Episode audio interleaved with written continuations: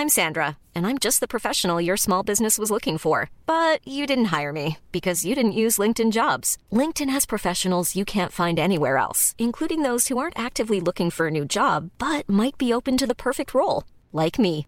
In a given month, over 70% of LinkedIn users don't visit other leading job sites. So if you're not looking on LinkedIn, you'll miss out on great candidates like Sandra. Start hiring professionals like a professional. Post your free job on linkedin.com/people today. Ryan Reynolds here from Mint Mobile. With the price of just about everything going up during inflation, we thought we'd bring our prices down.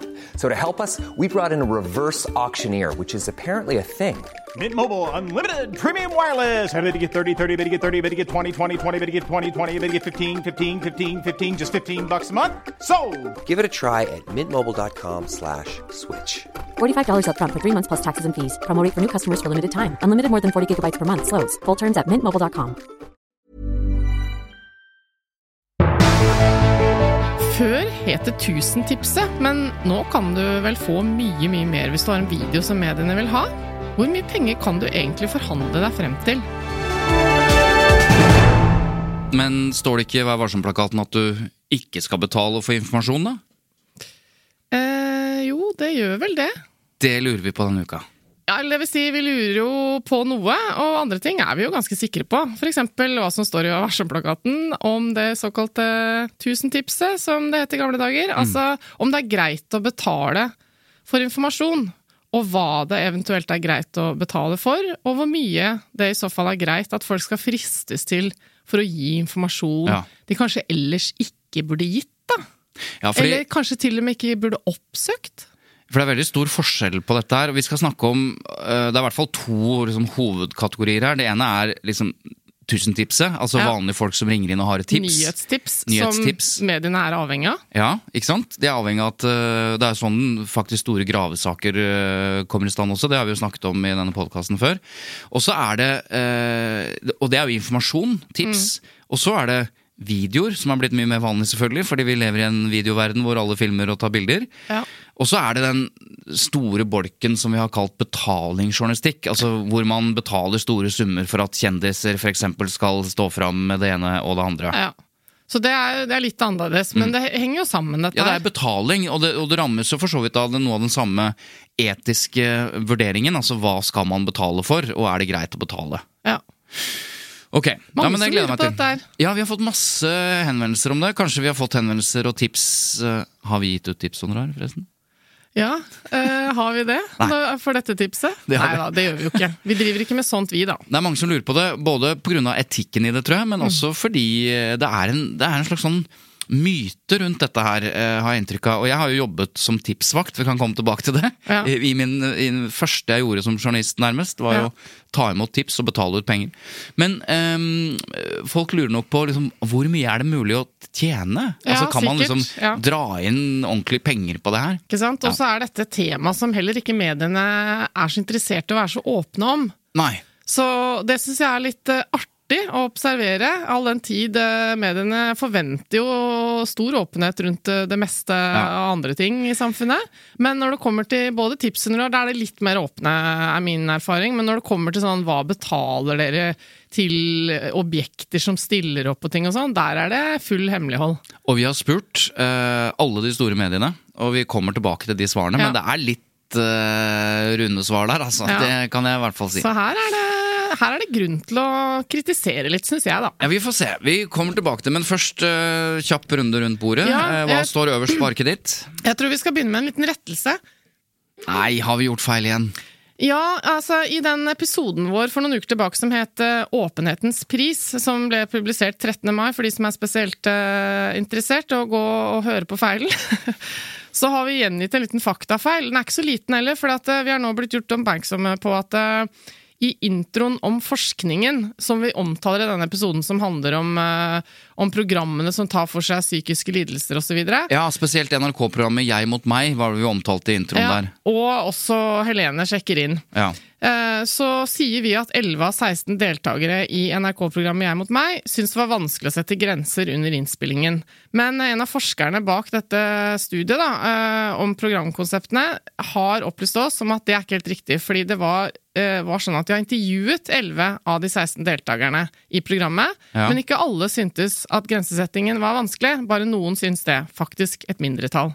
Så da blir det jo ble, helt feil, det vi sa. Ja, da ble vår innlevelse helt feil, og det beklager vi. Det beklager vi, og vi har rettet opp på Facebook allerede. Ja, Men det er noe sånn da, at når man skal rette en feil i mediene, Mm. hvis vi skal gjøre det sånn som pressen skal gjøre det, så skal det jo helst, i, i den grad det er mulig, eksponeres for de samme leserne, lytterne, seerne. ikke sant? Så Derfor altså, gjør vi det ikke å gjør gjøre det på Facebook, egentlig, for Nei. det er jo ikke så veldig stor sannsynlighet for at de som hørte episoden, får med seg den rettelsen. Men burde vi, burde vi ha liksom uh, hatt en hale på den episoden som nå ligger ute? At vi burde spilt inn sånn Ja, eh, hvis vi skal være kjempeflinke, eh, hvilket vi jo bør være, Mm. Ja. så, så bør vi spørre produsenten vår om han kan ta seg bryet eh, med å, med å eh, legge på Altså publisere den episoden på nytt med en Mm. hale. Eller en, ikke bare hale, kanskje foran, sånn at folk er bevisst på det når de hører feilen. Det jeg ble nysgjerrig på nå, siden jeg tror det var jeg som leste dette her, det er om er det vi eller jeg som har bare i overgangen fra Morgenbladet som har skrevet om disse sakene, skrevet feil, misforstått, eller har Morgenbladet også gjort feil? Jeg tror jo helst det første. Nei, jeg er ganske sikker på det første. Altså, At det er jeg lest- som har gjort feil. Eh, Ja, eller eh, at det er noe liksom, misforståelse, slurv i notatene våre, eller når du Mm. har hentet ut. For jeg har sett noen artikler som er, hvor dette er gjengitt andre steder, og der Ja. er det riktig. Ja. Ja. Ok. Så jeg tror ikke du kan skylde på noen, Svein Tore. Nei, men eh, det, jeg leiter jo hele tiden etter muligheter for, Ja. for at jeg har rett. Hvis du men, drar videre på det nå, så er det det de kaller polemisk replikk eh, i forbindelse med en eh, La det være helt klart. beklagelse. Ja, men det var ikke sånn. Jeg protesterer ikke på dette. Vi legger oss, eh, om ikke flate, så beklager vi Ja. det. Ja. Du, jeg har en annen eh, liten ting, og det er at eh, siden vi skal snakke om betalingsjournalistikk, så syns jeg det er litt gøy at eh, VG har skrevet en sak eh, om bildene som ble mm, sluppet i forbindelse med mm, forlovelsen mellom eh, Märtha Louise og Mm. Ja. sjaman Durek. ja, du kaller han sjaman Durek, ja? Ja, det er i hvert fall det hun gjør. Ja, da kan vi gjøre det. Jeg vet at han er sjaman, men han heter jo Hun skrev det i sin uh, offentliggjøring, Gjorde at hun det? hadde forlovet seg med sjaman Durek. Yes. Ja. Uh, og så har det blitt tatt noen bilder til denne Instagram-offentliggjøringen, og da også en pressemelding som sikkert ble sendt på ordinært vis etterpå, vil jeg tro. Mm. Og så har VG funnet ut at det, det fins flere bilder i serien som er tatt av en sånn eh, fotograf som er tilknyttet et eh, sosiale mediebyrå borti USA, da. Mm. eh, Som er en venn av paret, videre. Og så har de vært i dialog med dette byrået og den fotografen for å finne ut om om de kan kjøpe, eller hva som skal til for å Ja. få flere bilder fra serien. Og så har de fått beskjed om at eh, de bildene koster 5000 dollar per stykk. Og så har VG spurt eh, ekstra ja, stemmer dette per bilde, bla, bla, liksom oppfølgingsspørsmål på mail, og så har de fått det bekrefta. Og så har de ringt til Slottets kommunikasjonsrådgiver, og hun har sagt at dette kjenner jeg ikke til, det har ikke noe vi noe med å gjøre. Men så har hun kommet tilbake til VG og, og understreket at dette er visst basert på en misforståelse. Det var visst ikke 5000, det var 500 dollar per bilde. og, så, og så har de etterpå fått en melding fra den de opprinnelig var i kontakt med i USA, som også skriver det. 'Sorry, jeg var på en flyplass, jeg, det var en null for mye i meldingen'. Sånn, som er sånn, Når du leser artikkelen til VG, eh, så får du, selv om de heller ikke spekulerer åpent om at 'dette tror vi ikke noe på', så syns jeg det er å lese mellom linjene at dette lurer vi litt på om Egentlig bare, de bare liksom dreit seg litt ut. Ja. Dette funker ikke i Norge, ish. De Det- men dette blir min tolkning. Ja, Dette har jeg ikke belegg for. Nei. Jeg bare syns det var artig. Rene spekulasjoner. Ja, men det Eh, er litt sånn relevant til hvor mye kan du betale Ja. for ting som egentlig basically burde kommet pressen Mm. i hende. Ja. Ok, jeg, eh, jeg har lagt merke til eh, et veldig godt stykke journalistisk arbeid. Altså Her er det ikke kritikk, da, men det er skryt. Eh, Det er psykologisk.no. Som. Mm. er et sånt fagtidsskrift eh, som skal uh, ja, bidra til økt kunnskap om psykologi i samfunnsdebatten. ikke sant? De er, Mm. eh, de er en fagpresse, uavhengig, medlem av Mediebedriftens Landsforening, svarer til redaktørplakaten og Vær varsom-plakaten. Ja. Men det er jo et fagtidsskrift. Ja. Som De- vi har fått tips fra et par lyttere om, faktisk. Dette Ja. du sikkert skal inn på nå. Ja, de har, lytterne har lurt på hvorfor ikke den store avsløringen som de har gjort, nemlig om arbeidsforholdene i eh, dette som kalles Forandringsfabrikken. Eh, og for de som ikke vet hva det er, så er det jo eh, Dette her er jo et ja, et, hvor barn og voksne jobber for å få barn som er ute på skråplanet, eh, eller har trøbbel i sin oppvekst, på bedre veier. Ja, og de driver også med formidling Ja. rundt uh, problematikken uh, på, på dette feltet, da. Og det er statsstøttet. Ja, Over og- statsbudsjettet, tror jeg. Og mange har skrytt av Forandringsfabrikken opp gjennom årene. Jeg har ledet konferanser der de har holdt foredrag, og det er Mm. liksom, man blir rørt av engasjementet og, og øh, gleden de har ved å jobbe med viktige ting. Da. Ja, For det er men- mye unge folk som dras inn som spesialister. ja, de og- kalles proffer. Ja. Eh, og det er barn. Men i hvert fall, psykologisk.no har en serie artikler hvor de har avslørt eh, Det står her Utbrente ansatte, panikkanfall på jobb, trusler fra ledelsen. Og det er da historier fra innsiden av denne forandringsfabrikken, hvor da minst Sju tidligere ansatte har gått i terapi pga. belastende arbeidsforhold. Det meldes om overvåking, manipulering og brudd på en rekke arbeidsrettigheter. Og flere av de rammede sammenligner bedriften med en sekt. Eh, og så skal vi ikke gå inn i, eh, i saken, men det som er interessant, da, er at det gjøres et stykke veldig veldig viktig gravearbeid i et sånt ganske lite fagtidsskrift. Og det som irriterer meg litt, er at det ikke får større oppmerksomhet. At Ja. ikke store mediene er løfter opp denne saken, for den er kjempeviktig. Eh, Jeg vet at det har vært noe snakk om det, men nå skjer det jo masse konsekvenser. Altså, Trondheim bryter samarbeidet, Oslo eh, mener at de skal fryse samarbeidet. Det er masse konsekvenser rundt dette, men ganske stille ellers, da. Mm. Så honnør til psykologisk.no. Virkelig. jeg så forresten også at en, en journalist som heter Jonas Giæver, tror jeg, tidligere TV 2 og Dagbladet-journalist, har nå meldt overgang til dette tidsskriftet. Altså Ja. En som har jobbet i Riksmedien, går nå til dette eh, tidsskriftet, som jo kan jo være mange grunner til. Han har vært opptatt av psykisk helse, vet jeg. Men, men det er også bra at eh, flinke journalister som har erfaring fra den nasjonale scenen, går til fagtidsskrifter Ja. eh, for å løfte det. Det er jo ofte Så, de som dykker eh, ned i litt særere ting. Men Hør, dette hør. burde jo vært eh, på Altså, det kommer jo ofte sånne saker til overflaten i de store mediene eh, rundt denne Fri Foreningen Fri, ja. eh, Shabana Rehman. ja. Var det den saken? ja. Ja, ikke sant? Det er jo sånne ting, Når ikke ting drives sånn som folk mener at det skulle drives og hadde forventninger om, så kommer jo dette ofte opp. Men det er rart at ikke dette har gjort det, for det handler om litt av de samme tingene. Mm. Ok, da er det på tide å snakke om det vi allerede har snakket om, men som er hovedsaken, som er eh, tipshonorering eller betaling for Ja. bilder. Ja, for som vi sa i innledningen, vi har fått flere spørsmål om dette. Hva er forskjellen på tips og betaling av andre ting? Og, og spesielt eh, nå skal vi snakke om materiale som video og lyd og sånn, som folk flest kan komme til å besitte, fordi de er på et sted eller observerer noe. Og det er helt Og- fantastisk at vi, vi altså nå er det jo medienes eh, Nå får du jo bare har videoer og ja, rundt overalt. eh, Ja. Men- Eh, hva kan man da forvente, ikke sant? Fordi man sitter jo på noe som mediene trenger, og det har man jo skaffet selv, så det er jo logisk Mm. å, å tenke at noe honorar skal jeg ha. Men hvor mye, er spørsmålet. Og så er det jo noe som eh, heter betalingsjournalistikk, eh, som er noe annet. Det er mest knyttet til den eh, kulørte ukepressen, eh, sånn det var før, kanskje. Jeg vet ikke. Dette vet du veldig mye om, Eva, så vi skal komme innom eh, dette her også. Ja. Men eh, først også tips, honorar. La oss se hva som står i Vær varsom-plakaten, for det er et Mm. eget punkt som bare handler om dette. Ja. Det er punkt 311. Ja. Pressen skal som hovedregel ikke betale kilder og intervjuobjekter for informasjon. Vis moderasjon ved honorering for nyhetstips. Det er uforenlig med god presseskikk å ha betalingsordninger som er egnet til å friste mennesker til uberettiget å trå innenfor andres privatsfære eller gi fra seg personsensitiv informasjon. Det er eh, omstendelig skrevet, men vi skjønner hva, ja. hva det handler om. Og det er med masse åpninger for unntak. Jeg har spurt alle uh, de store mediene om uh, en del ting. Um, Så flink du har vært. ja, takk for det. Altså Hva de betaler for dette. Uh, hva det meste de har betalt, har jeg lurt på. Tror du jeg har fått svar på det? Ja.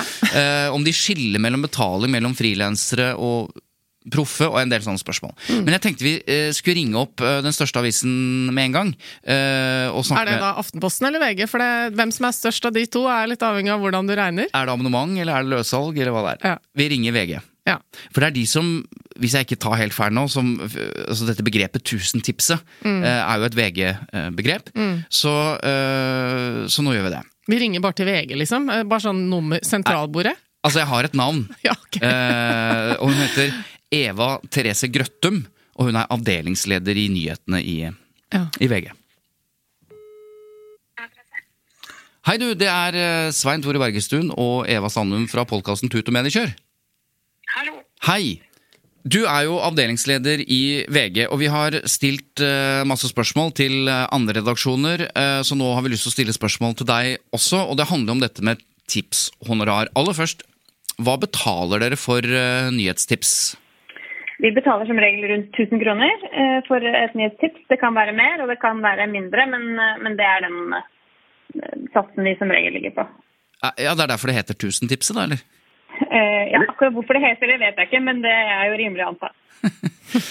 Du, ehm, kan du si hva det meste dere har betalt for materialet, altså bilde eller video? Det har jeg ikke oversikt over, og, og det, liksom, det vi ofte ligger på er, er 1000, så kan det nok komme opp til kanskje 5000 i sjeldne tilfeller, men det er ikke det som er vanlig. Eh, og så er det jo sånn at vi betaler mer til profesjonelle frilansere selvfølgelig, enn de tipsere. Ja, for, det, eh, for, for hvordan skiller dere på betaling mellom, mellom det som er da, som du sier, frilansere og proffe, som, som lever av å ta bilder osv., og, så videre, og det vanlige tipsere med mobiltelefon? Eh, Det er jo sånn at Frilansere de føler jo gjerne egne, egne takster og setter jo gjerne pris selv, for de selger jo, eh, selger jo på en måte sin eh, arbeidskraft da, og gjør jo en, en journalistisk jobb når de tar bilder. Så da kan det ligge på 2000-3000 kroner for et bilde, mens eh, når tipsere kontakter oss, så er det mer som en påskjønnelse, og da ligger det som sagt rundt, rundt 1000 kroner. Men altså, hvis bildet er eksklusivt nok, og hendelsen er stor nok, så, så ser vi jo for oss at det kan være en slags forhandling om dette. Det kan jo hende den som sitter på bildet kan forhandle med flere medier. Fins det noe øvre grense for hva man da uh, vil betale fra VGs side? Ja, fordi det er sånn, Vi betaler ikke kilder for å stille opp i VG, og vi ønsker heller ikke for høye tidsutbetalinger. Eh, så blir jo det en rimelighetsvurdering fra sak til sak. Men, men jeg kan jo si det har vært en villet dreining på det i VG, fordi vi ønsker ikke at betaling skal være motivasjon. Um, så det er som sagt, som jeg sa, man, man ser på det som en påskjønnelse og vil jo ikke at, eh, at eh, pengene i seg selv skal være motivasjon for å komme til oss med verken tips eller bilder. da. Mm. Men um det har jo vært mye snakk om eh, betalingsjournalistikk, spesielt etter at boka om Se og Hør kom for en del år siden. Finnes det fortsatt betalingsjournalistikk, eh, tror dere i VG? Og i så fall, eh, hvor, hvor finnes det?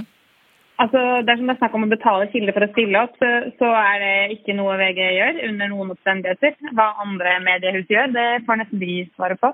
Dere hadde nettopp en artikkel i VG, eh, og det er noe av grunnen til at vi faktisk snakker om det nå. Vi skal komme tilbake til den artikkelen i podkasten, men der skriver dere at Dagbladet skal ha betalt 65 000 kroner for en video i en veldig veldig spesiell og sensitiv uh, sak. Hvorfor, eh, og, og Dagbladet vil ikke bekrefte dette. De uh, sier at dette er upublisert materiale og sånn og sånn. Men hvorfor skriver dere om det? Hvorfor, hvorfor, hvorfor er den opplysningen viktig i den saken? Vi mener den har offentlig interesse. Eh, som du sa, Vi har avdekka at det ble inngått en avtale med, mellom Dagbladet og en kilde for den eksklusive tilgangen til videomaterialet. Og det er- var jo en kontroversiell sak, og det var en høy uttaling. Så, så vi mener det har offentlig eh, interesse. Men eh, hvilke vurderinger som er gjort der, det må jo Dagbladet svare for. Ja. Eh, vi Og har det spurt- gjør du ikke. Nei, vi har spurt Dagbladet, de vil ikke det. Men eh, takk, for, eh, takk for praten, Eva Therese Grøttum, som er avdelingsleder i VG. Takk skal du ha. Vær så god.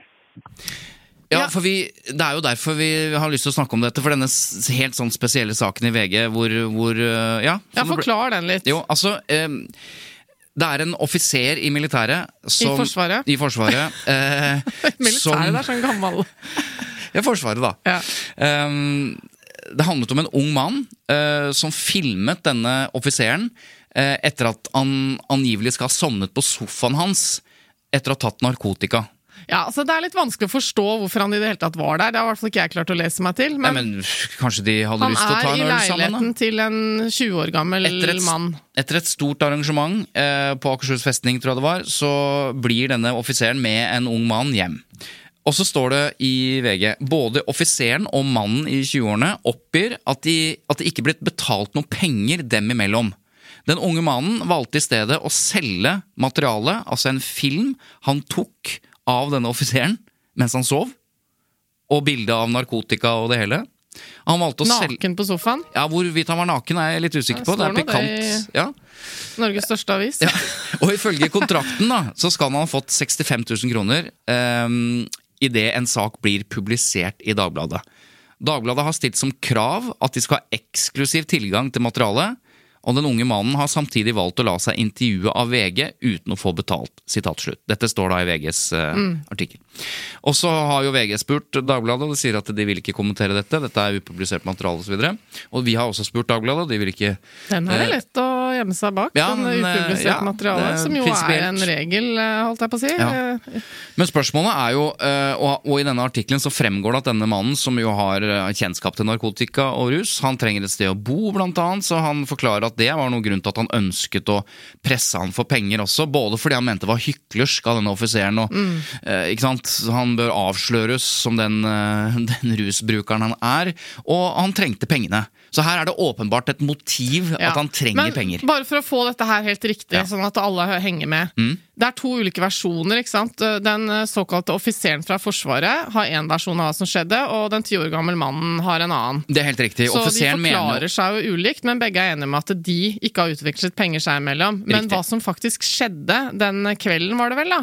Det vet. Eh, det vet vi ikke. Den ene mener at uh, han ble dopa ned, den andre mener at uh, de tok dop sammen, basically. Riktig. Om det de er enige om, er at det blir filmet, for det vet vi jo. Og Mm. Ja. dette er en politisak. Og han har jo da også, du sa det kanskje, brutt seg inn eh, på eh, offiserens mobiltelefon, ikke sant? Og tatt bilde av masse sensitive passord, innloggingsting. Ja, det er mange, altså Dette er en veldig spesiell sak. Altså Denne offiseren hadde tydeligvis da i sin notatblokk på mobiltelefonen Ja. masse passord og brukernavn og så videre, så det ble jo et full baluba Altså, i På vegne av en venn så vil jeg si at dette er vel ikke helt unormalt for vanlige folk å ha noe passord liggende på noen notater her og der. Nei, men Det er ikke helt unormalt å si at det er veldig dumt òg. Nei, det er det vel ikke. Og i hvert fall ikke hvis du jobber i Forsvaret, da. Tilbake til saken. Dette handler jo om uh, Altså, her hørte vi VG nettopp svare på liksom de betaler 1000 kroner her og 2500 kroner for et bilde til fotografer osv. Ja. Her snakker vi om 65 000 kroner Ja. for en video. Ja. En video av en sovende naken offiser som har visstnok påståelig har tatt narkotika. Som jeg ikke helt ser for meg hvordan de skal publisere heller. Sånn at det, men her, uh, her, må jeg, her kommer instinktet. Mm. Nå må Dagbladet få svare for seg. ja. Uh, og da har jeg spurt Dagbladet om Ja. dette, og da sier de bare samme svar som til VG. Ja. Nettopp at vi, vi kommenterer ikke upublisert materiale, som jo Riktig. er riktig i, henhold til presseetikken. At de ikke skal drive og snakke om ting de ennå ikke har publisert. Men nå er jo dette en sak som handler om betalingsjournalistikk, så vi mener jo at det hadde vært oppklarende å få vite om dette var noe de var i ferd med å gå inn i eller ikke. For pengene er jo ikke nødvendigvis nå faktisk betalt, fordi videoen er jo ikke publisert. Nei. Men vi kan jo fortelle hva Dagbladet svarte på våre generelle spørsmål Ja. om hvorvidt de betaler for tipshonorar. Og da sier Frode Hansen, som er nyhetsredaktør i Dagbladet, at det er sjelden vi utbetaler rene tipshonorarer. I så fall er det snakk om mindre summer.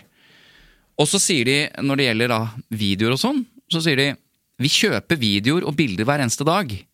Fra byråer, produksjonsselskaper og eventuelt private. Prisene varierer, og jeg sitter ikke på historikk om hva som har vært det dyreste, på spørsmålet mitt om Nei. hvor mye har de betalt. Um, også når det gjelder dette med frilansere og private, så sier de at eh, vi skiller i utgangspunktet ikke mellom frilansere eh, og proffe og andre. Men vi har en rekke faste som vi har egne avtaler med, og hvert honorar forhandles for seg fra sak til sak. Vi jobber med å innhente dokumentasjon, både video og bilder, fra lesere og andre når vi fysisk ikke er til stede. Også igjen, han sier hvert honorar for bilde og video forhandles hver for seg. Det kommer naturligvis helt an på materialet. Ja, det er litt sånn som det blir sagt fra VG, da. Riktig. Men det er klart at um, det er veldig stor forskjell på noen tusenlapper. Og det er jo noe av det som forsøksvis er, skal ivaretas i Vær varsom-plakaten. At det skal være moderasjon osv. Så, videre. så hvis dette stemmer med 65 000, så står jo ikke det helt i stil med verken det VG sier eller Dagbladet sier her, eller hvordan alle de andre har svart. Nei, ikke sant. Men bare først, eh, når det kommer til at eh, denne videoen blir filmet, la oss si at eh, 20-åringens versjon stemmer, da. At her er det masse kritikkverdige ting som skjer. Han reagerer på at en forsvarsoffiser eh, tar dop og alt dette her. Og så tar han en film. Det er jo på en måte umoralsk å gjøre det, da. Absolutt, det er det jo. Men hva tenker du om nyhetsverdien i å, i å gå til pressen hvis vi ikke tenker på honoraret i første omgang? Bare det å, å tenke at dette må ut. Nei, jeg syns denne saken er så spesiell, og det er vanskelig. Eh, men det er klart det er journalistisk og redaksjonelt eh, interessant å få så mye informasjon og materiale som mulig. Hvis dette blir en stor skandalesak for Forsvaret, som du, du har potensialet til, ikke fordi han sover naken eh, og kanskje har tatt dop, men det også, men også eh, alle disse passordene som var lett tilgjengelig på telefon osv. Det kan bli en veldig stor sak, og da skjønner jeg Dagbladet og VG, eh, som begge da åpenbart har vært interessert i dette og fått tips om dette. Ja, det gjør for så vidt jeg òg. At man innhenter så mye informasjon. Men jeg, jeg forstår ikke helt en, å, å inngå en type eksklusivitetsavtale på så store summer for en video som jeg, som jeg ikke kan helt forestille meg hvordan man kan publisere, da, annet enn å bruke den som en del av alt kildemateriale og all informasjon man har. Men, så jeg syns dette er veldig rart. Ja, det er vanskelig å forholde seg til når det er ord mot ord, ikke sant, i forklaringen mellom de to, fordi jeg mener veldig forskjellige ting, eh, litt avhengig av hvilken versjon som er sann. Ikke sant, fordi eh, det å iscenesette dette og sånn, det er selvfølgelig helt ugreit, hvis det stemmer. Og, og det å gjøre det denne 20-åringen har gjort, hvis det, hvis det er, foregår kritikkverdig forhold Han har uttalt seg om det at han prøvde selv å komme inn i Forsvaret tidligere, men hadde en liten eh, anmerkning for eh, røyking av joint og noe småtyveri, et eller annet sånt noe, fra tidligere, fra yngre. Derfor så kom han ikke inn i Forsvaret, for der er det jo strenge opptakskrav. Um, og, og da var hans instinkt, sånn som jeg har forstått hans forklaring, at eh, det, da syntes han det var veldig provoserende å se hvordan en som har kommet så høyt opp i Forsvaret, kan oppføre seg jeg håper å si, enda verre. da. Ja, og så kan man jo selvfølgelig diskutere er det, er det hykleriet som har størst motivasjon, eller er det penger? Nettopp. Og, Og det, det- viste det seg at det var mye penger å hente her, da. Ja, men han, hvis man skal tro hans forklaring, så virker det ikke som at det var utgangspunktet. Og det er umulig for oss å vite om vi skal tro på eller ikke. Resultatet er i hvert fall at den avisen som nå påstår og sier eh, beviselig ikke har betalt en dritt for den historien, fikk Mm. historien. Mens Dagbladet, som skal ha inngått en avtale på 65 000, Mm. ikke har fått historien. Og det er jo interessant, og kanskje bra, da, Ja. hvis man kan si det. Kan jo, jeg vet ikke, men Vi kan spekulere om eh, VG avverget egentlig denne publiseringen. da, for at Hvis ikke VG hadde vært på saken, så hadde sikkert dette gått sin gang. Og så hadde Dagbladet hatt en svær forsidesak med, med oppslag og video og det hele, kanskje. Det vet vi jo ikke. Ok, men i hvert fall, uh, dette er jo utgangspunktet, og derfor spurte vi en del redaksjoner. Eh, jeg skal si litt om hvor, hva de svarer. Veldig mange svarer uh, likt, og, og vi har lyst til å legge ut dette her eh, i litt eh, i en annen form. Kanskje vi skriver en artikkel om dette, så vi får se hvordan eh, avisene faktisk svarer på dette spørsmålet. Ja, Eller ikke svarer. Eller ikke svarer. Eh, eh, vi har spurt TV 2, for eksempel, og nyhetsredaktør eh, Karianne Solbrekke eh, skriver på spørsmål for eksempel, om hva er det meste dere har betalt for en video. Eh, hun sier at eh, jeg husker at vi betalte forholdsvis høy sum for videoen fra Turøy-ulykken. Ja. Det er ganske mange år siden. Og da hadde de en video eh, hvor de eh, betalte mye. Etter det så kan jeg ikke huske at vi har betalt større beløp utover vanlige honorarer. Og vanlige honorarer forklarer hun på akkurat samme måte som VG, at det er snakk om ganske små tusenlapper, da, for å si det sånn. Eh, Og vurderer det selvfølgelig i enkelttilfeller, men er sjeldent eh, og kun noen tusenlapper. Og så snakker alle om denne NJ-taksten, eller frilanstakstene. Norsk Journalistlag som har en eh, prisliste, nærmest, For som de anbefaler eh, Ja. når eh, pressen bruker frilansfotografer og skribenter osv. Det forenkler jo dette veldig, både for de som selger bilder og for de som kjøper, at man kan forholde seg til satser. Ja, fordi Um, de er organisert, veldig mange av dem, i dette journalistlaget. Så det er bra at det fins noen veiledninger for det, da. Hvis ikke så hadde jo dette kunnet gå helt av skaftet. Nettopp. Eh, og så spør jeg om det finnes en øvre grense. Det, alle, jeg har spurt alle om det, og alle er unnvikende på det. For det handler om fra sak til sak. Uh, Karianne Solbrekke sier at eh, det er ikke en uttalt definert grense, men det har heller ikke vært en problemstilling de siste årene. Og så har jeg spurt uh, NRK, og det er etikkredaktør Per Arne Kalbakk som svarer.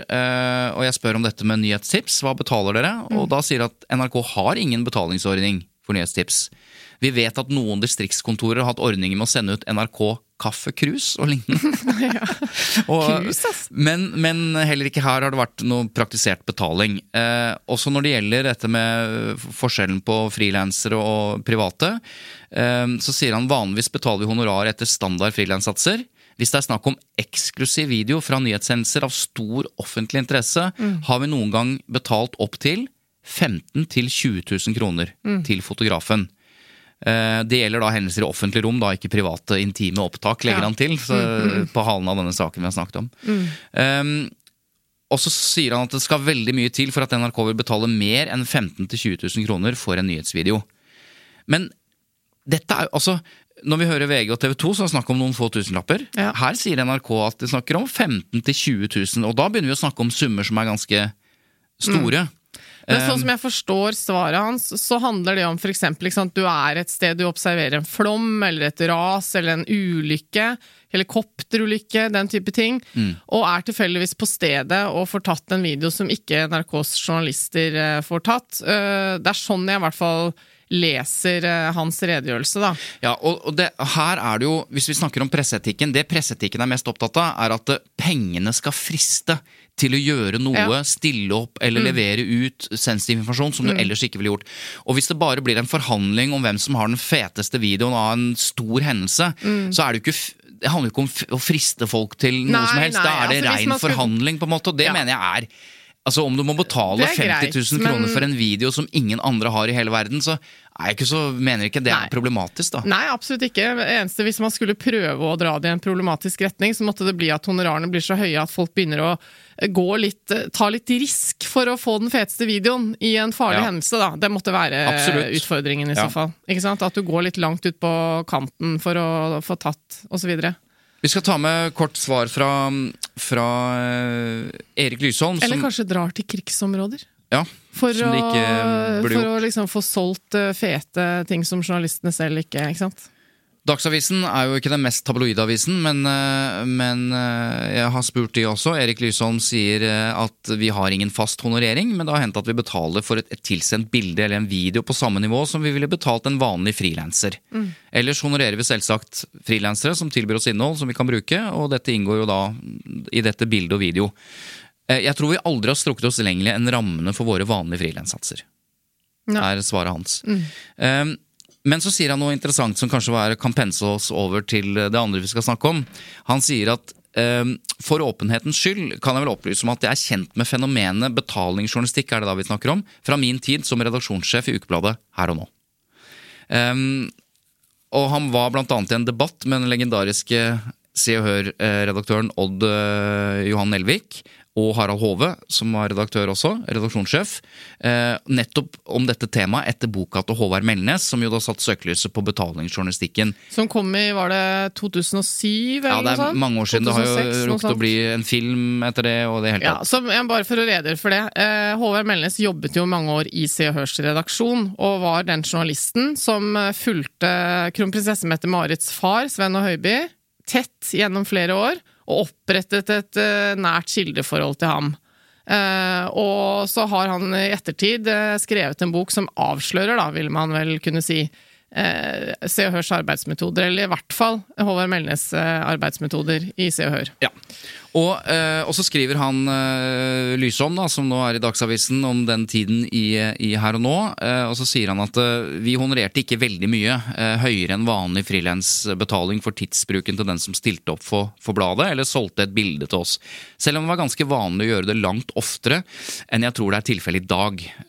Og så sier han også sant, bladenes opplag og inntekter kan jo umulig rettferdiggjøre samme kostnadsbruken nå som for 15 år siden. Og det er helt åpenbart. Både VG og Se og Hør og alle bladene på 90-tallet for eksempel, tjente så mye penger at det var Altså, de, altså de hadde ja. Ja. Det var helt Så de kunne bruke mer penger også på Og så, og så skriver han vi ble for øvrig ganske rystet over de summene vi fikk høre om i Se og Hør i forbindelse med Melnes sin bok. Det var veldig langt unna normalen hos den lille konkurrenten den gangen. Vi opplevde også til stadighet at vi fikk beskjed fra tipsere om at de hadde fått bedre betalt for tipset av andre, og heller gikk til dem, og så kunne vi se saken like gjerne i andre medier, eh, som i Se og Hør. Så um, Ja, nei, altså, jeg tror når det kommer til den type journalistikk som man tenker at Se og Hør mer eller mindre eier, som er kjendisjournalistikk og litt sånn eh, Hva heter det? Sånn uh, åpne seg-journalistikk? Hva er det man kaller det? Ja, altså Skjebnejournalistikk. Skjebnejournalistikk, ja. Sitter ved grava og Ja. hele familien, og dette er jo vanlige mennesker, da. Ja, så er det jo eh, litt nivåer ikke sant, på hva jeg tror et medie er villig til å flekke opp da, eh, for innhold som handler om dem, og der troner jo de kongelige helt øverst, ofte. Så det er jo kjendiser eh, som er avdanka. De er på en måte nederst da, i denne kjendishierarkioppstillingen. Og så er det jo de som er i noe stort for tida, de som er programledere eller deltakere i reality og sånn, som er hot. De, eh, og så kommer jo liksom de kongelige og de store, store kjendisene helt over. Men, Og der er det prisforskjeller. men, men eh, du var blant annet med en dokumentar eh, for mange år siden som handlet om betalingsjournalistikk, og det var jo i etterkant av denne boka som vi har snakket Ja. om. Mitt inntrykk var jo at selv i Se og Hør, nå, nå snakker vi en del om Se og Hør, nå har vi ikke snakket med dem, men, men dette er jo offentlig kjent, for så vidt. Mm. At, eh, men inntrykket mitt var at det er mindre betalingsjournalistikk i dag eh, enn det var før. Mm. Ja, Hva det er også du? mitt inntrykk.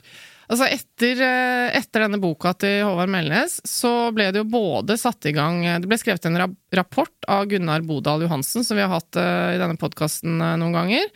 Eh, Det var i 2007, om betalingsjournalistikk. Og Mm. så ble det laget en NRK-dokumentar, som du nevner. Mm. Eh, og jeg ser at jeg siterte den eh, rapporten til Bodal Johansen også. Da har han gått inn og levert en rapport til Presseforbundet som bl.a. skulle ha en høring, hvor flere representanter fra de store mediene, de som har tabloidjournalistikk som en del av sitt virke, altså rampelysjournalistikk, mente jeg, um, og prøv, prøvde da å redegjøre for uh, hvor ligger prisene, hvordan foregår dette, ikke sant. Og, og det syns jeg er litt interessant, da, for jeg kikka gjennom den i går. Og der uh, Jeg tror nok det har endret seg litt. Eh, litt fordi eh, økonomien er annerledes i mediene, sånn som du var inne på. Jeg tror ikke Se og Hør har råd til de honorarene som de kanskje den gang hadde. Men jeg er jo da sitert i disse greiene her, som nå begynner å bli ja, 15 år siden. Sånn, på annet at jeg sier at jeg fikk tilbud om rundt 300 000 kroner for å stille opp i og Hør da det ble slutt mellom meg og min ekskjæreste, da. Som hadde litt offentlig interesse. Kongen av Spania. Um, og jeg- 300 000, ja. ja, og det var jo en sånn uforhandla sum, ikke sant, som de starter med. Jeg husker ikke helt nå, Nei. men jeg har uttalt meg om dette for 15 år siden, så det Ja. stemmer nok. Og jeg, jeg ser også at eh, Se og Hør har blitt konfrontert med disse opplysningene og bare kommentert at det, det kan vi ikke kommentere. Ikke sant? Det vet Og det er jo det Eller- som er litt vanskelig her, at det er jo ingen som egentlig De sier eh, det betryggende at de forholder seg til ganske små satser, Mm. men de har eh, eh, men de sier samtidig det er fra sak til sak. Ja. Så de forbeholder seg på en måte retten til å, å klinke til hvis det er nødvendig. De har ingen øvre grense. Nei. Og denne saken som sto med i VG angående Dagbladet, viser at det er ganske store summer. Men jeg har lyst til å bare Det er Ja, Skal jeg ja. si en ting til først. Fordi at Om jeg er villig til å ta imot penger for å fortelle min historie, det er nå én sak. Mm. Altså, Da kan jeg bare klandre meg sjøl hvis jeg hadde gjort det, som jeg ikke gjorde, da. Eh, men eh, for eksempel min mor, Mm. som bodde i utlandet og eh, fikk tilbud om nesten tilsvarende summer, i hvert fall veldig mye penger. For bilder av meg på den tida, mens jeg var eh, hva skal jeg si, ettersøkt. Ettersøkt. Jaktet. Eh, og det er jo noe annet, for at da begynner du å nærme deg litt mer inn på den uh, som vi snakket om, at uh, da er kanskje folk eh, etter hvert villige til å gå litt lenger enn de ville gjort i henhold til sin samvittighet, fordi det er så mye penger inne i bildet. Nettopp. Da blir det noe annet. Og da, Det ser jeg Gunnar Bodal Johansen også skiller i, i den rapporten sin. ikke sant? Én ting er, som du nevnte, kjendiser som er kjente. De forstår denne forhandlingsposisjonen de har, og taktikken. Skal jeg invitere Se Hør inn her, og så får jeg et nytt bad? Eller skal jeg dra på ferie til Thailand? De forstår jo det spillet. Men øh, kall det vanlige mennesker da, som ikke er kjente, og du nevnte skjebnejournalistikken. Det er en, en familie på Trøgstad som er rammet av en forferdelig tragedie hvor tre av barna er døde, for alt jeg vet. Altså, Ja. Det er noen sånne forferdelige historier. Og så st- står de i Se og Hør eh, ved gravstenen og forteller sin historie. Hvis de får masse penger, eh, som ikke har muligheten til annet enn å forholde seg til at dette, disse pengene betyr jo noe for oss. Ja. Da er vi jo midt i det presseetikken forsøker å, øh, å si noe om. At da kan de fristes til å stille opp på noe som de aldri burde ha gjort. Det er det, ikke sant? Fordi at det er absolutt mulig å se for seg at uh, Se og Hør gjør en god jobb med noen av disse fortellingene som er skjebnejournalistikk. da, ikke sant? Det er flere som uh, får kjennskap til hvordan det er for familier osv.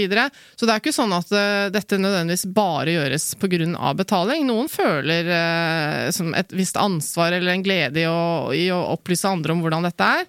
Man må liksom ikke bare tenke at betaling uh, er grunnen her. Nei. Det kan være nyhetsverdi eller ja, offentlig interesse. Du, Før jeg eh, forteller litt om eh, hvordan det var å være tipsvakt på 90-tallet, da pengene flommet eh, og vi hadde faste tipstere som satt med politiradio og ringte inn hendelsesnyheter, eh, så tenker jeg vi burde kanskje ringt Se og Hør og bare høre hvordan bare Om de vil si noen ting om betalingsjournalistikk i det hele tatt. Ja, det er morsomt. Hei, Ulf. Det er Svein Tore Bergestuen og Eva Sandum fra podkasten Tut og Mediekjør. Hei, du. Ulf, uh, Ulf André Hansen, uh, vi snakker jo om betal... Andersen. Sorry. Vi snakker jo om betalingsjournalistikk sånn som det var i Se og Hør, eh, og alt dette rabalderet med boka til Melnes osv. Først av alt, eh, vi har spurt mediene om tipshonorarer, og dere har jo også sikkert noen tips. Hva er rutinene for tipshonorering hos dere, Ulf? Ja, på generelt grunnlag så kan vi si at vi betaler for eh, eksklusive bilder. Eh, såkalt fotohonorar. Eh, så det, det gjør vi. Og det, vi ønsker da å kjøpe eksklusive rettigheter til forskjellige ting som, som er private, som bryllup, dåp, alle mulige sånne type ting. Det vi, vi kjøper for, for å få eksklusive rettigheter til det. Og hva er da forskjellen på fotografer dere leier inn, og private som deler sine bilder, da? Hva tenker du på da? Er det, er det forskjell på å betale frilanshonorarer eller fot, fotografer som lever av dette, og betale private som, som deler bilder? Nei, da betaler vi for bilderettighetene. altså Det kommer helt an på hvem som har tatt bildene. Eh, Da betaler vi for eksklusive rettigheter for å dekke ulike ting. Og så betaler vi eventuelt fotografer i tillegg til det. Så hvis Se og Hør hadde vært invitert til et visst kjendisbryllup i Paris eh, forrige helg, eh, med en fotograf til stede som var tillatt på festen, da hadde det jo ikke vært fotohonorar, da hadde det vært eh, et honorar for å ha eksklusiv tilgang, da, eller? Ja, Da betaler vi for eksklusive rettigheter. Og, da, Ja. og da, men når du sier rettigheter, da er det rettigheter til å dekke bryllupet, eller fotorettigheter? Det kan være begge deler. Ja. Men ok, vi har også snakket om betalingsjournalistikken sånn som det var eh, på begynnelsen av, eller på 90-tallet og begynnelsen av 2000-tallet. Og, og, og da kunne man i hvert fall få inntrykk av at kjendisene kunne stille opp i Se og Hør, og så fikk de pusset opp badet, eller de kunne få dyre feriereiser eh, osv. Hvordan er status eh, der hos Se og Hør nå? Nei, vi har ikke noen eh, sammenheng mellom det. Jeg vet ikke hvordan det var tidligere, jeg kan bare svare på hvordan det er nå. Men vi har ikke noen sammenheng rundt sånne type ting her. Ja, Hva betyr det? At dere ikke betaler kjendiser eh, dyre feriereiser for å stille opp i Se og Hør, eller gjør dere det? Nei, altså Vi betaler eh, for fotorettigheter. Altså Tidligere så kunne vi sende eh, folk på sydenturer. Men, men av skattemessige årsaker så er ikke det lenger grunnlag for det. For det at det blir skattlagt, det er ganske komplisert å gjennomføre. Ja, Og da gjelder det for, for badet, å pusse opp badet òg, antar jeg? Ja, og Det er ikke noen sammenheng mellom det lenger. Vi har hjemmeholdsreportasje, da betaler vi for fotorettigheter i forhold til hjemmet. Ja, og nå, bare for å være helt tydelig på det, Hvis dere har en fotograf fra Se og Hør som tar de bildene hjemme hos reportasjen, eller det er bilder de selv uh, tar, så er, det, så er det ikke noe forskjell på det. Det- Du kaller det rettigheter, fotorettigheter, uansett. Ja. Du har et siste spørsmål, eh, Eva. Ja, jeg hadde bare lyst eh, til å høre, ettersom det har vært diskutert tidligere, og jeg tror også jeg har uttalt meg og spekulert i det, da, nemlig etter Arbens død eh, og etter minnestunden Nei, etter begravelsen, så var det da en minnestund på Theatercaféen hvor Se og Hør hadde et intervju med foreldrene til Are Behn etterpå eh, i bladet, og, og det reagerte jo jeg litt på fordi jeg opplevde At jeg fikk en følelse av at dette var liksom Ville de stilt opp hvis ikke dette var noe de hadde fått betalt for, eller fått ja, hjelp sånn, ja. til å dekke vent... Jeg bare jeg satt med en litt sånn vond følelse av det. da, Var de i stand til, liksom? Så jeg hadde bare lyst til å stille eh, Ulf det spørsmålet, ettersom jeg ofte har uttalt meg om denne scenen uten å vite fakta. Hva kan du si om det, Ulf? Nei, jeg, jeg uttaler meg aldri om konkrete saker. Eh, jeg syns at eh, Ari Behn fikk en verdig avslutning, eh, og det syns jeg var bra. Og utover det så har jeg ikke lyst til å kommentere den saken. Det er forståelig, men eh, takk for at du stilte på eh, On the fly, som det heter her. Og da har vi i hvert fall fått eh, noen svar fra deg om at eh, Og la meg tolke svarene dine eh, dit hen at det er ikke helt i, sånn som det var i gamle dager i Se og Hør nå. Nei, det stemmer. Det er, eh, vi, vi er helt ærlige på at vi ønsker å betale for eh, eksklusive fotosaker og få eksklusive rettigheter. Og det, det gjør vi. Ok, ja, takk skal du ha. Ulf. Tusen takk. eh, Og takk for praten. Ha det godt.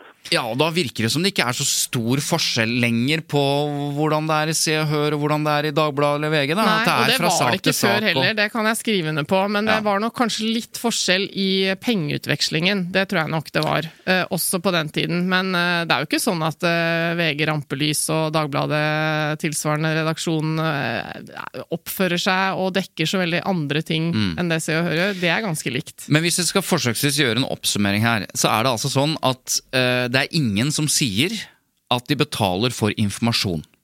Og det, skal de, og det står det at man skal være veldig varsom med. Altså betale for informasjon fra kilder. Nei, altså Tusentipset, er ikke det det, da? Det sier vel noen av de andre mediene at de Jo, gjør. med unntak av det vi kaller tips. Ja. Men å betale kilder for at de skal si noe til deg som de ikke vil si til andre, altså betaler for informasjon eller for å stille opp til intervju, det er man ganske kategorisk på at det gjør man ikke. Men det de sier, er at de behandler sak, eh, hver sak for seg, og det er alltid, og alle snakker om, betaling for bilder. Rettigheter, fotorettigheter, materiale. Eh, og det er det jo mye mer av i dag enn det var før. Og da syns jeg likevel det er litt vanskelig å skal vi si, definere forskjellen på hva, hva er informasjon og hva er materiale. Ja. Og, og hva er i så fall motivet til den som selger dette? Eh, det syns jeg er litt vanskelig å, å på en måte Ja, er definere. jeg enig for det kan jo defineres som noe, men i realiteten er det kanskje litt mer, da, ikke sant? At et honorar kan hete rettigheter eller bildehonorar, men at det ligger mer i det. Det inntrykket kan man jo få, eller den tanken kan man i hvert fall ha. I den rapporten til Bodal Johansen fra 2007, eh, som riktignok er 15 år siden, men jeg tror ikke verden egentlig har forandra seg så mye siden det, så har han fem kategorier, altså fem betalingsformer innenfor journalistikken, som han ramser opp. Det er jo da betaling for begivenheter og hendelser, betaling for bruk av tid og kompensasjon av utgifter, betaling for medvirkning i reportasjer, betaling i form av reiser, og betaling for bruk av private bilder. Og så sier Ulf eh, at eh, det av skattemessige årsaker ikke er sånn at de kan betale reiser lenger, og det tror jeg han på. Altså det som er med Se og Hør, er at de har veldig god kontroll på presseetikken. De kan sin presseetikk. Så det Se og Hør eventuelt gjør, det er jo stort sett å holde seg innenfor, men de tøyer de grensene fordi det er kjendisjournalistikk og folk som Ja, er og så kan man jo si at eh, han bruker eh, uttrykket 'betale for rettigheter'. Og da snakker han, snakker han ikke om en fotballkamp, men et bryllup eller en dåp. Ja, betale for rettigheter. Han eh, sammenligner det jo med, med fotballkamper, og det er jo ikke helt irrelevant. Men når man tenker på at TV 2 eller Discovery eller noen kjøper Mm. eksklusive rettigheter for å vise store sportsbegivenheter, da betaler jo de masse penger for å sørge for at den skal ikke kunne vises på en annen kanal. Ergo kommer eh, publikum til oss. Nei, og det, og det kan man forstå, men, men forlengelsen av det, så har jo reglene rundt hva du kan gjøre rundt disse øh, sportsbegivenhetene også vært øh, Der er grensen i ferd med å, å tøyes fra de som selger. Og det handler annet om at før var det sånn at ja, hvis én kanal har rettighetene til det langrennsrennet, eller den fotballen, så vil jo alle andre kunne stille spørsmål til øh, utøverne etter dette, altså ikke sende selve rennet, men der er det også kommet begrensninger, sånn at den som betaler får større plass og rettigheter til å drive journalistikk også. og Da er vi over på noe som er veldig problematisk, syns jeg da. Ja. Men ok. Um, Men du, da- ja. Jeg, jeg er jo nå lever i 15 år tilbake jeg, i huet mitt i denne samtalen. Eh, og i Mm. Den, skjønne. den omtalte eh, rapporten eh, ble jo også dekket videre av Nettavisen, som lagde en slags sånn prisliste på hva som var vanlige honorarer for ulike ting. Eh, og den ble kontrollert med flere, selv om Odd Johan Elvik, som da var redaktør i Se og Hør, eh, mente at tallene bare var ren spekulasjon, da, men de var i ja. Nettavisen sjekket av med ganske mange kilder. Og da mente de på den tida at en hjemme hos-reportasje kunne ligge på sånn 15 000-40 000 kroner. Jubileer og brylluper mellom 50 000 og 100 000 kroner. Eh, Et nytt par som stilte opp eh, i mediene, kunne ligge mellom 30 og 50. Og tipshonorar såkalt da, for brudd mellom et kjærestepar eh, lå som regel mellom 10 000 og 15 000. Og kjendiser som snakker ut, kunne få liksom fra 60 til 100 000 kroner. Det syns jeg er litt interessant, da, for at eh, liksom eh, Jeg tror kanskje at disse honorarene har gått litt ned, og at det er takket være at det ble reist en debatt om betalingsjournalistikk i kjølvannet av denne boka som vi har snakket om nå, ikke sant?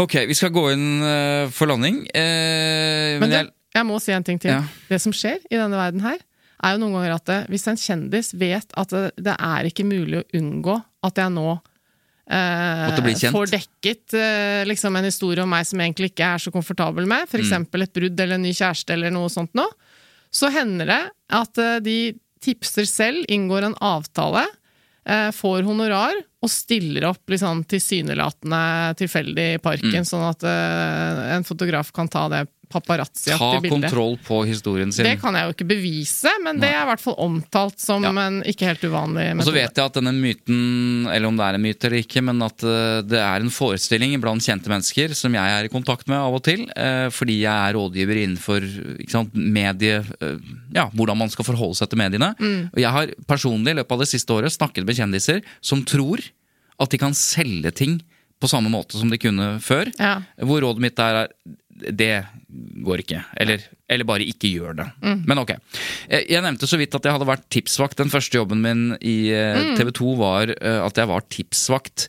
Der satt jeg i, i fjerde etasje i Bergen på Nøstet, der TV 2 var. Tok imot tips på 55, 90, 80, 85 Ja. fortsatt. Jeg vet ikke om det er det nå. Men der eh, hadde vi faste tipsere.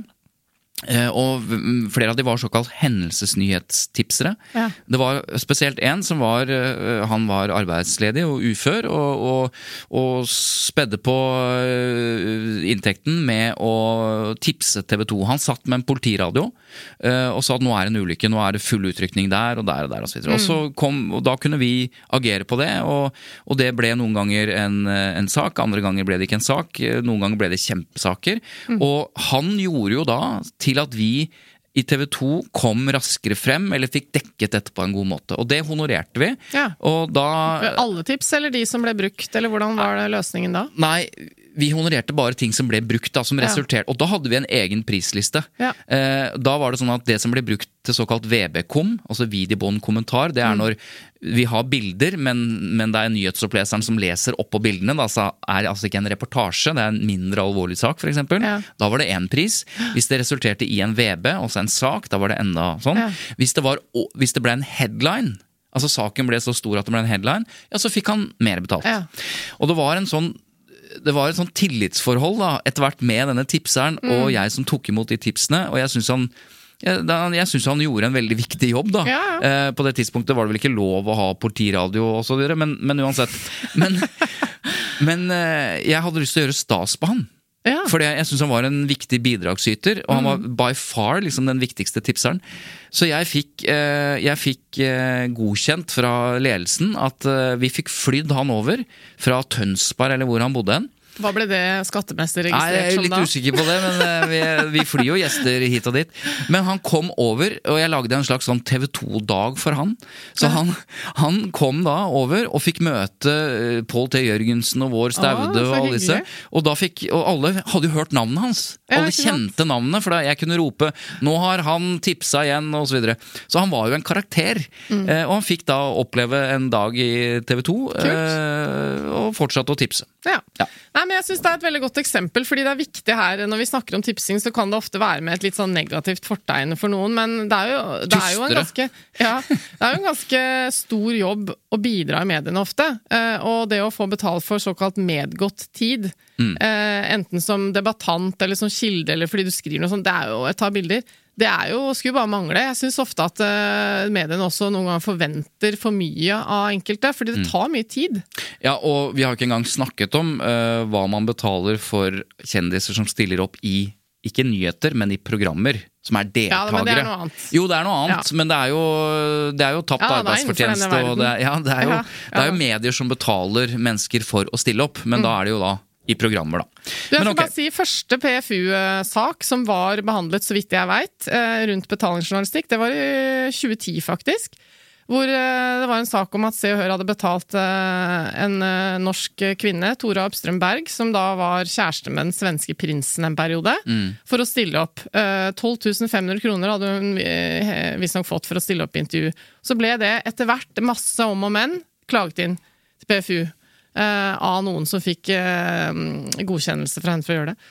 Og de ble felt Det de ble det. det. Fordi det var rein betalingsjournalistikk som Ja, fordi det var eh, Utvalget avviser ikke bruk av tipshonorar generelt, men mener Se og Hørs tilbud om honorar, gaver og andre ytelser gjennomsyrer redaksjonens eh, kontakt med sin kilde på en måte som er i strid med Vær varsom-plakatens punkt 311 osv. Og, og det er jo litt i henhold til det Ulf fra Se og Hør sier, da, at her har ting forandret seg, kanskje grunn av denne debatten og disse klagene. Mm.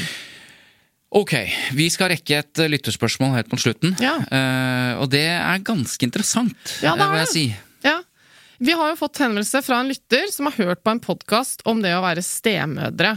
Uh, og- Som jo er vanskelige greier. Å være stemor. Ikke sant? Uh, og sånn som jeg forstår det, så er lytteren sikkert mor, og kanskje til og med stemor selv og sånn. Og så er spørsmålet, når det er en podkast hvor to stemødre, som også har en jobb eh, som, eh, som terapeuter i sitt daglige virke osv., eh, sitter og snakker om den rollen, og tenker at dette er noe vi gjør fordi vi selv har savnet mer informasjon om hvordan det er å være stemødre, dele erfaringer Ja. og sånn. Så de, har, de, de sier i podkasten at de ønsker seg på sikt en litt sånn lørdagsrådegreie, hvor folk kan sende inn spørsmål og kan diskutere dilemmaer. ikke sant? Er, er det lov å lukke, låse døra på badet når du flytter inn? Og, altså masse sånn ting.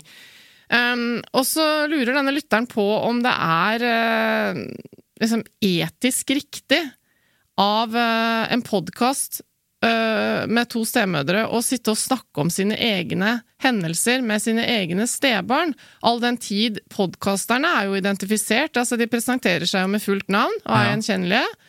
Og, og har da stebarn som blir indirekte omtalt, ikke sant? Fordi eh, de sier ja, når jeg ble kjæreste med min mann, så hadde jo han to barn, og det var jo litt sånn i begynnelsen, og så fikk Ja, jeg være med på foreldremøte. ja, da blir du jo omtalt sånn- som barn. Og, ja, de men, snakker om episoder men kan som de ha avtalt dette med, barna, da? At det er i orden? Vet, Ja, nei, det vet vi jo ikke, da. ikke Nei. sant? Så, så Men la oss si at de ikke har det, da. Ja, For la hvis, du har de det. hvis de har stemødre, så kan de jo ha altså Det er jo ikke sikkert det er barn de forholder seg til daglig, men de Ja. snakker om, et, om barn. En annen ting er jo at eh, stebarn har jo ofte også øh, ekteforeldre som bor i et annet hjem. Altså Ja. enten en ektemor eller ektefar, holdt jeg på å si, biologisk, som, som også er berørt av Mm. dette. ikke sant? Mitt barn øh, blir jo omtalt, her er det greit. Og sånn, så det er mange folk som da vil kunne oppleve dette litt sånn det er noen grenser her, eh, selvfølgelig. Fordi de omtaler La oss si vi tar utgangspunkt i at denne podkasten er eh, har eh, Den, er ikke, den ligger ikke under et medie. ikke sant? Det er okay, en podkast som ikke tilhører et redaktørstyrt medie. Så det betyr at det er ikke en podkast som f.eks. er under Podme eller, eller noe som er Nei, knyttet tilhører ikke Skipsted eller A-pressen eller Nei, og media. Nei, da, ikke sant? da, men det vi kan si er at hvis det hadde gjort det, da, hvis det hadde vært forholdt seg til Mm. Vær varsom-plakaten, så mener jeg at dersom barna ikke ønsker Mm. den omtalen, eh, forutsatt at det er tilfellet, så er det presseetisk problematisk. Ja, for det, da tror jeg det er helt ordinær eh, redaksjonell vurdering. ikke sant? Her er det folk som omtales. Er de identifisert? Nei, ikke nødvendigvis direkte med navn, altså stebarna, Nei. men eh, indirekte, fordi alle vet at eh, dette er stemoren til sånn og sånn. Eh, Så da må man gjøre vurderinger. ikke sant? Eh, Er dette, liksom, går dette for langt inn i privatlivets fred, og, og så videre? Og, og så må man veie liksom, folkeopplysningen. Det er fint dette prosjektet. Det Mm. er sikkert mange stemødre som savner et sted å hente informasjon, og det gjør man jo på blogger og på Google og sånn. Det er like gjerne fint å gjøre det i en podkast, Mm. men hvis det tilhører et redaktørstyrt medium, så må jo de sørge for at det, de som omtales, eh, får muligheten til å svare for seg hvis episoder omtales som er litt sånn Ja, stemmer dette, da? Er det riktig at det foregikk Det var et problem i familien som måtte løse Altså noe sånt noe? Eller, eh, eller det må sjekkes, er dette greit? Og jeg tror eh, i, med ganske stor sannsynlighet at hvis NRK eller TV 2 eller VG eller noen lagde denne podkastserien, så hadde de måttet ta kontakt med resten av familien. Og vi og ser jo det eh, i flere saker som har vært oppe i PFU, så eh, er det påstander om at, eh, og spesielt har jeg sett det i dokumentarprogrammer, Mm. hvor da den ene delen av familien ikke har blitt tilstrekkelig en måte, orientert. Da. Mm. Jeg har sett klager der på en måte en representant for familien sier at det er i orden for meg, og så har de som lager programmet tenkt at ja, da er det vel i orden for den grenen av familien, da, men det er det jo ikke. Nei. Og spesielt i moderne familier med stemødre og dine og mine barn, så er det mange meninger om dette.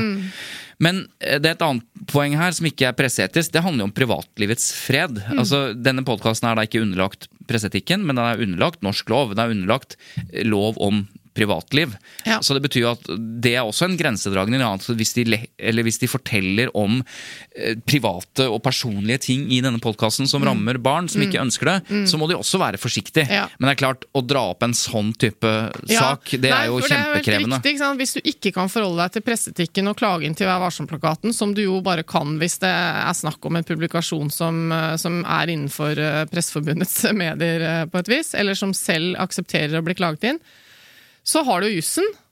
Eller du har folkeskikk. Mm. Eh, Så den beste løsningen er jo selvfølgelig å ordne dette på forhånd. og sånn. Men tingen er jo at eh, eh, det er jo ikke sånn at bare det å starte en sånn podkast er et brudd på noe i seg selv. Det handler jo om hva som blir sagt i hver enkel, hvert enkelt tilfelle. Så dette er jo veldig kompliserte greier. bare, helt til slutt, jeg kom på eh, en grensedragning her også. Uh, Podkasten til Harald Eia og Tore Sagen, som Mm. heter Harald og Tores podkast eller noe sånt. Eh, der har de en episode hvor de snakker om uh, Karl Ove Knausgård. Ja. At Karl Ove Knausgård skylder Harald Eia masse penger. Ah, ja. Og Harald Eia snakker om dette veldig personlig, og han er, han er forbanna på dette delvis. Og han syns han selv er en jålebukk som sa ja til å låne bort penger til en superkjendis. Og det er Ja. Kjempeinteressant. Eh, og da begynner man å tenke faen, hva mener Karl Ove Knausgård om dette? Som plutselig får sin på en måte private historie om hans eh, Absolutt. pengelån Det er jo ikke noe tvil om at han må få svare for seg under et redaktørstyrt medie. Og så kommer det helt mot slutten eh, at Harald har jo snakket med Karl Ove om dette. Ja, Og fått det godkjent. Ja. Og Karl Ove sier bare snakk om det. ja. Så, um, Men blir det sagt? det blir sagt i podkasten, men du viktig. sitter hele tiden og tenker sånn Dette det kan du ikke lytteren også får med seg at her er det Nettopp. gjort eh, en vurdering. Men man Ja. sitter underveis og tenker dette kan du ikke snakke om. Nei, nei, altså, dette... men eh, jeg synes en annen eh, litt relevant sammenligning er jo Tusvik og Tønnes sin podkast, som sikkert har blitt litt uh, mer stuerein nå når den ligger under Podme, vil jeg tro. Jeg har ikke hørt på den, jeg, men, uh, men de har jo vært kjent for å snakke veldig mye om sin familie. Barn og, og sine nærmeste og alt mulig. ja. Og mm, det er jo absolutt uh, i grenseland her, Mm. men man må jo anta at dette er avklart med, med familiene, da. Hvis ikke så hadde vi Ja, vel alt lest om eh, eh, Jeg vet ikke. eh, Nei. Men de, jeg tror det er eh, De må i hvert fall ha en større bevissthet rundt dette nå, når de ligger under Skipsted sin, eh, sin faen. Ja. Ok, det var vel eh, strengt tatt det vi rakk. Det var vel det. Vi har eh, snakket om tips, og vi tar også gjerne imot tips. Vi får Eh, mange tips. ja. Men vi får jo lyttespørsmål, det klarer vi å forholde oss til. Tips er jo også veldig fint å få, men vi har jo ikke en graveredaksjon, altså. Så Nei, nei, ikke nyhetstips har vi Nei. vanskeligheter med å følge opp, men, men hele denne episoden er basert på et tips om temaet vi bør ta Ja, opp, nemlig en tipshonorar. Ja. Uh, og det setter vi pris på. Takk til deg. Så vi betaler ikke honorar for det. ingen verdens ting. Vi tar gjerne imot penger. Ja. Uh, hvis noen har lyst til å støtte Nei da, vi gjør ikke det heller. Men eh, takk skal du ha, Eva, for at du eh, hver eneste uke stiller opp og øser av eh, din klokskap og ditt privatliv og det hele tatt. I like måte, Svein Tore. Takk for at du holder ut med meg. Ja. Det gjør vi også neste uke. Det er nesten helt sikkert at det kommer en episode da også, så da høres vi igjen. Lyder Produksjoner produserer denne podkasten. Det stemmer. Um, og mer er det vel ikke å si, annet enn god helg. Vi takker dere lyttere. Vi er så glad i dere. Ja, det. Ha det! Ha det.